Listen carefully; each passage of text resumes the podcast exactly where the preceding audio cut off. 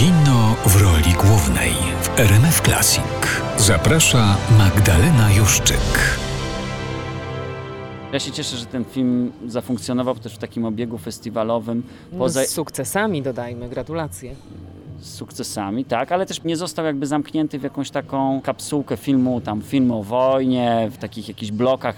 Często jest tak na festiwalach, że są po prostu filmy na przykład o wojnie w Ukrainie, mają jakąś oddzielną sekcję, żeby było, że, że pokazujemy filmy o wojnie, ale jest to osobna sekcja, jakaś tam konkursowa, gdzie tych filmów można obejrzeć 8 czy 10. E, są to wszystko bardzo trudne filmy do oglądania i, i mam poczucie, że trochę się tak wtedy jest pycha na jakiś, na jakiś taki boczny tor.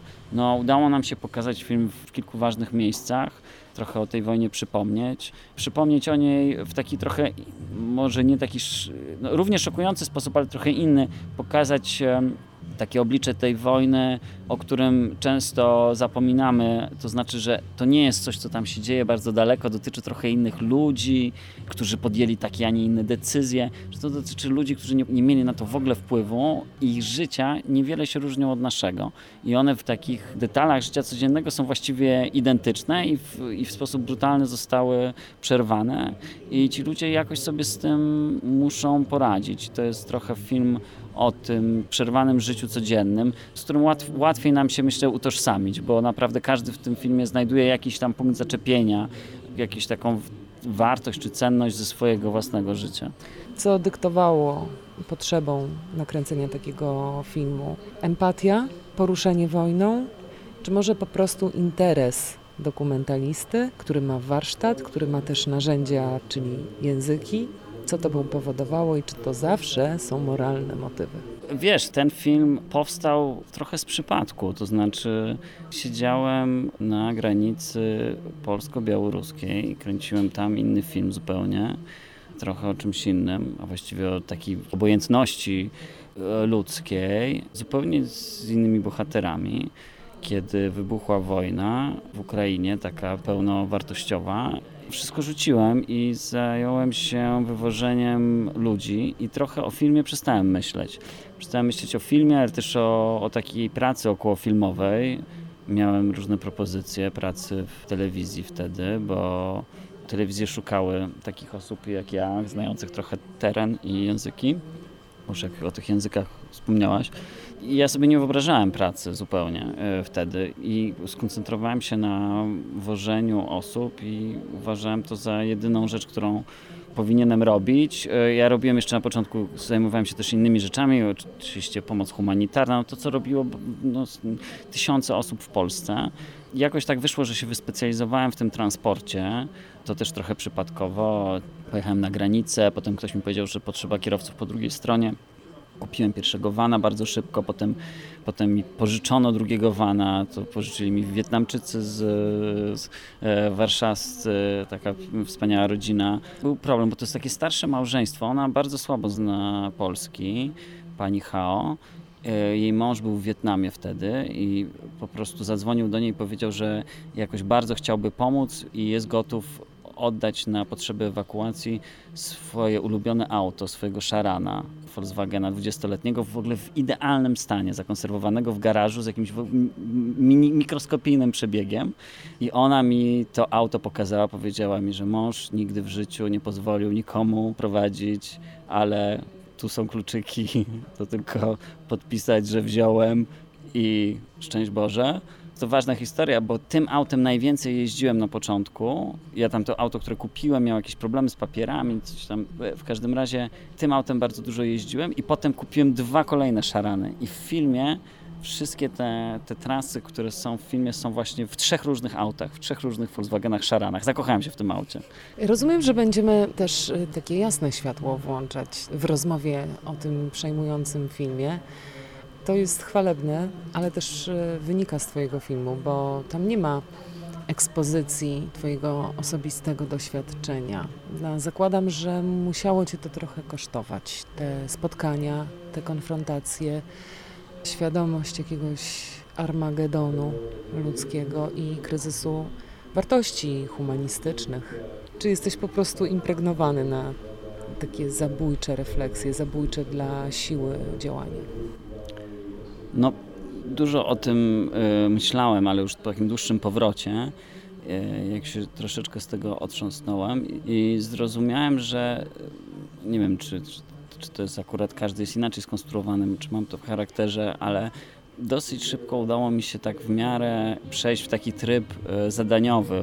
I to jest jak porozmawiasz z wolontariuszami czy ludźmi pracującymi gdzieś w tych okolicach przyfrontowych, to się często powtarza, że to, to, co pozwala ludziom przetrwać, to jest takie poczucie kolejnych zadań, które mają wykonać na dzisiaj, jutro, pojutrze, nie wybieganie za bardzo w przyszłość i koncentracja na tych zadaniach pozwala troszeczkę odciąć się od przeżywania każdej historii indywidualnej. To byłoby po prostu niemożliwe. Oczywiście ten początek to było absolutne szaleństwo. Do końca życia będę pamiętać pierwszą rodzinę, którą odbierałem znajomych, rodziców, koleżanki, operatorki ukraińskiej, których zabierałem spod domu. To było gdzieś w zachodniej Ukrainie. To nie była jakaś najbardziej dramatyczna historia przejazdu, ale ponieważ działa się pod ich domem, tam się dzieci żegnały z rodzicami. Widziałem, że to nie jest po prostu pożegnanie, takie jak, jak oni wyjeżdżają no i wrócą za to. To było takie pożegnanie, że być może to jest ostatnie.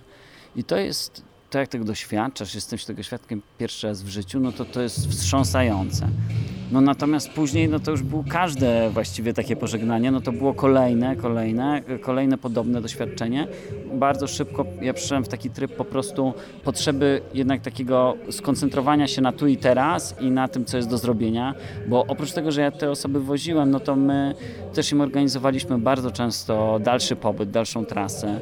Musiałem się z wieloma osobami skontaktować, zobaczyć, czy są w stanie przyjechać przez granicę, tam ustalić najbezpieczniejszą drogę. Bardzo dużo takich elementów elementów małych, których też w filmie finalnie nie ma za wiele, bo to byłby zupełnie inny film i staraliśmy się okroić ten film z takiej historii, co to znaczy być wolontariuszem i, i jeździć, ponieważ odciągnęłoby to uwagę od tych historii tych ludzi, które są same bardzo takie ulotne i delikatne momentami, ale to wszystko też działo się w tym aucie w międzyczasie.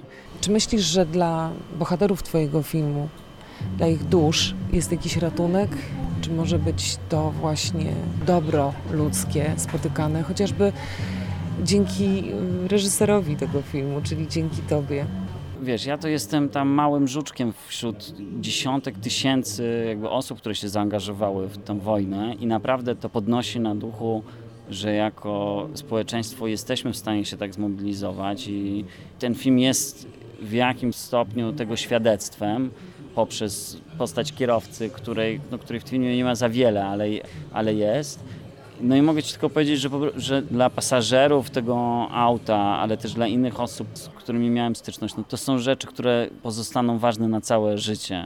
W pewnym sensie to pomaga jakoś ocalić ich godność, z której zostali naprawdę obdarci, bo to, że ludzie tracą zwierzęta, domy, rzeczy, kariery, ale tracą też po prostu godność. Jak ktoś po prostu im wchodzi, mówi, że, są, że po prostu nie mają prawa mieszkać tam, gdzie mieszkają, czy niszczy ich domy, czy eksmituje ich, jeśli mówimy o osobach, które pochodzą z terenów okupowanych, to dla nich jest tak ważne, że znajdują jakieś oparcie, że rozumieją, że dla, dla niektórych to jest ważne, żeby im w jakimś stopniu pomóc. No ja jestem w kontakcie z wieloma osobami z tego filmu, E, nie ze wszystkimi, bo jest to niemożliwe, z niektórymi urwał się kontakt, ale staramy się z nimi być w kontakcie, pomagać im jak trzeba. Niektórzy są w Polsce, niektórzy we Francji, w Niemczech. Wiele z nich już e, widziało film. No ci, co tylko mogli, to, to byli zapraszani. To jest też ważne, żeby, żeby no oni są bohaterami filmu, ten film teraz spełnia inną rolę, ale oni wszyscy bardzo wspierają e, i film, i nasze dalsze działania. Oczywiście ludzie są strasznie różni, no jakby to, są, to jest całe społeczeństwo, które zostało w pewnym momencie wygnane z połowy swojego kraju, więc różne są też e, te reakcje. Wracając do twojego pytania, bardzo małe rzeczy pomagają ludziom. Naprawdę ja zauważyłem, że czasami dobrze robi niektórym wolontariuszom, których znam z Zaporoża, po prostu przyjazd na tydzień do Warszawy, że mogą spędzić tydzień pod normalnym niebem i po siedmiu dniach wreszcie przestać bać się samolotów, które latają na, E, nad Okęciem. No. I większość z tych osób, one marzą tylko o powrocie do domu. One nie chcą nigdzie emigrować czy porzucać swojego kraju. One chcą wrócić jak najszybciej. Oczywiście jest, są różni ludzie, ale naprawdę oni są też, e, też mają piękny kraj i są z niego dumni. No i mam nadzieję, że będą mogli niedługo z niego w pełni korzystać. No to też jest jakby zależy od takiej mobilizacji wszystkich społeczeństw europejskich. No i ten film jest troszeczkę o tym. No.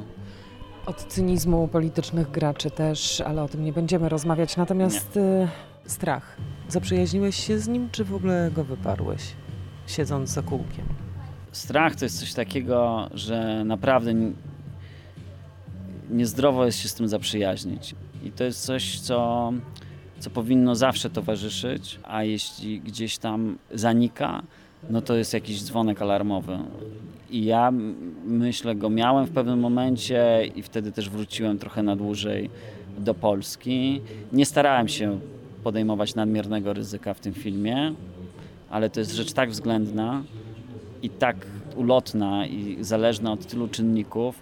Nie starałem się pchać w miejsca, w których e, była ma mała szansa na znalezienie kogoś, a dużo ryzykowalibyśmy. Natomiast było bardzo wiele momentów e, bardzo niebezpiecznych. Większość z nich nie znalazła miejsca w filmie. Z tych samych powodów nie chcieliśmy odwracać uwagi od historii tych osób, nie chcieliśmy się koncentrować na własnym przeżyciu. Na własnym przeżyciu ostrzałów, jakichś niebezpiecznych sytuacji, wybuchów dookoła, które by troszeczkę podbijały bębenek, a tak naprawdę opowiadałyby inną historię i niekoniecznie tę, którą chcieliśmy opowiadać. Sensowne to, co mówisz. A ja sobie myślę też o wyznaniach Hanny Polak, która się pakowała niejednokrotnie w sytuacje, z których nie miała prawa wyjść cało. Jest niepojęte, nie? Chcesz coś dodać? Nie no, ja widziałem ostatni film, no to jest olbrzymie ryzyko, strasznie trudne historie. No ale to każdy musi sobie w pewnym momencie odpowiedzieć, dlaczego ja to robię. Czy to jest tego warte? Czy ja jadę tam, bo potrzebuję tą scenę do skończenia filmu, czy jadę tam, bo muszę, no wiesz, my, my też mieliśmy, o tyle było to wszystko prostsze, że wszystko było podporządkowane u nas ewakuacją. Kręciliśmy A nie w drodze polowaniu na spektakularne rzeczy do, do filmu, tak? No tak, no zresztą to widać w filmie. No film jakby jest oparty o jedno główne ujęcie w aucie, więc tutaj nie pomagałyby żadne spektakularne ujęcia i nie jeździliśmy, nie zatrzymywaliśmy się specjalnie, żeby zrobić jakieś ujęcie, bo, bo coś się pali albo wiesz, coś trafiło, czy był przylot. Bo jak mieliśmy ludzi na pokładzie, to trzeba było jak najszybciej opuścić niebezpieczny teren i jechać do celu. No.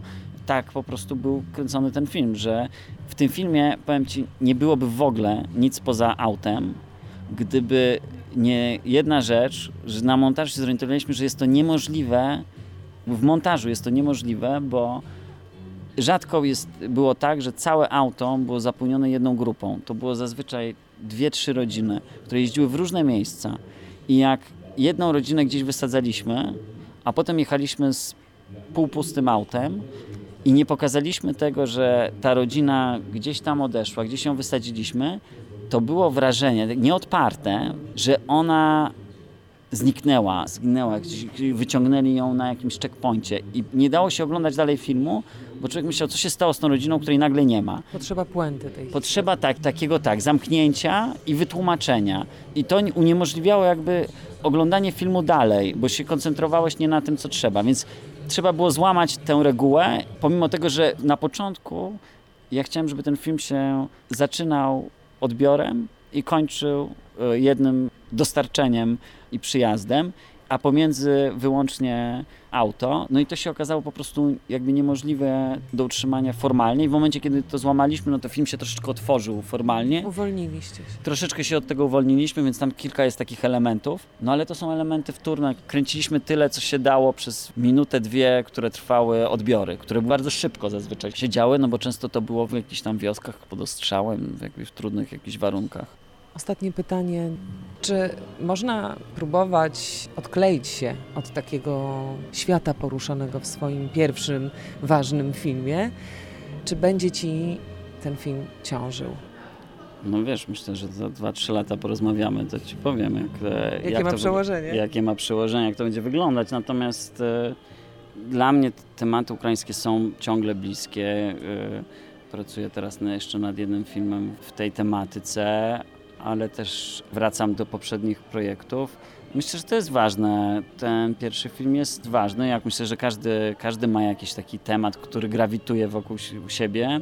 Mm, trochę za wcześnie, żeby powiedzieć, czy za pięć lat będę znowu gdzieś tam jeździł i, i zrobię kolejny film w samochodzie, ale Nie, może. pragną jakiejś, pragną znaczenia, rozmiaru tematu, przesłania filmu, który można zrobić, konfrontując się z rzeczami wstrząsającymi. Czy można być szczęśliwym dokumentalistą, realizując tematy inne? Ale rozumiem, że obiecujesz spotkanie za dwa lata i wtedy pogadamy o tym. Słuchaj, absolutnie wiesz, uważam, że trzeba sobie pozwolić na jakiś rozstrzał i potrzebne są filmy i lekkie i ciężkie i na różne tematy. No ja, ta tematyka jest mi bliska, e, nie jest to też pierwszy film, przy którym pracowałem. Ja trochę filmów e, dokumentalnych produkowałem wcześniej, e, między innymi taki film o bardzo trudnym temacie militaryzacji Rosji. To jest film reżyserowany przez Tatianę Czystową, która kręciła komisje wojskowe poborowych Rosjan, którzy nie chcą iść do wojska i starają się uzyskać służbę alternatywną, której Rosja im odmawia, pomimo tego, że jest zobowiązana konwencją genewską. Są to pacyfiści, przedstawiciele środowiska LGBT, zwykli młodzi chłopcy, których po prostu nie fascynuje wojsko i nie chcą jechać e, umierać w Donbasie. Ten film kręciliśmy w 2014 i 2015 roku, zaraz po wybuchu wojny, tym pierwszym. To był czas tej wojny hybrydowej. Wszyscy wiedzieli, że ta wojna istnieje, tylko się o niej nie mówiło i, i było to po prostu jakaś tam operacja specjalna na wschodzie Ukrainy. To był film bardzo ważny dla Rosji, dla Rosjan, e, pokazywany przez Nawalnego podczas kampanii film niskobudżetowy, ale którego myślę już trudno, trudno byłoby to nakręcić dzisiaj, bo kręciliśmy e, film prawie wyłącznie składa się z komisji wojskowych. Kręciliśmy te komisje, mieliśmy specjalne pozwolenie. To były wstrząsające zdjęcia. A jednocześnie mm, jakby udało się tam zaszczepić też dozę humoru i ten film ma też swoje takie lżejsze momenty. W każdym razie te tematy są, są mi bliskie. Jeśli pytasz, czy da się pod czymś takim wejść w tematy lżejsze i zrobić coś e, lżejszego, mam naprawdę dużą nadzieję, że się da.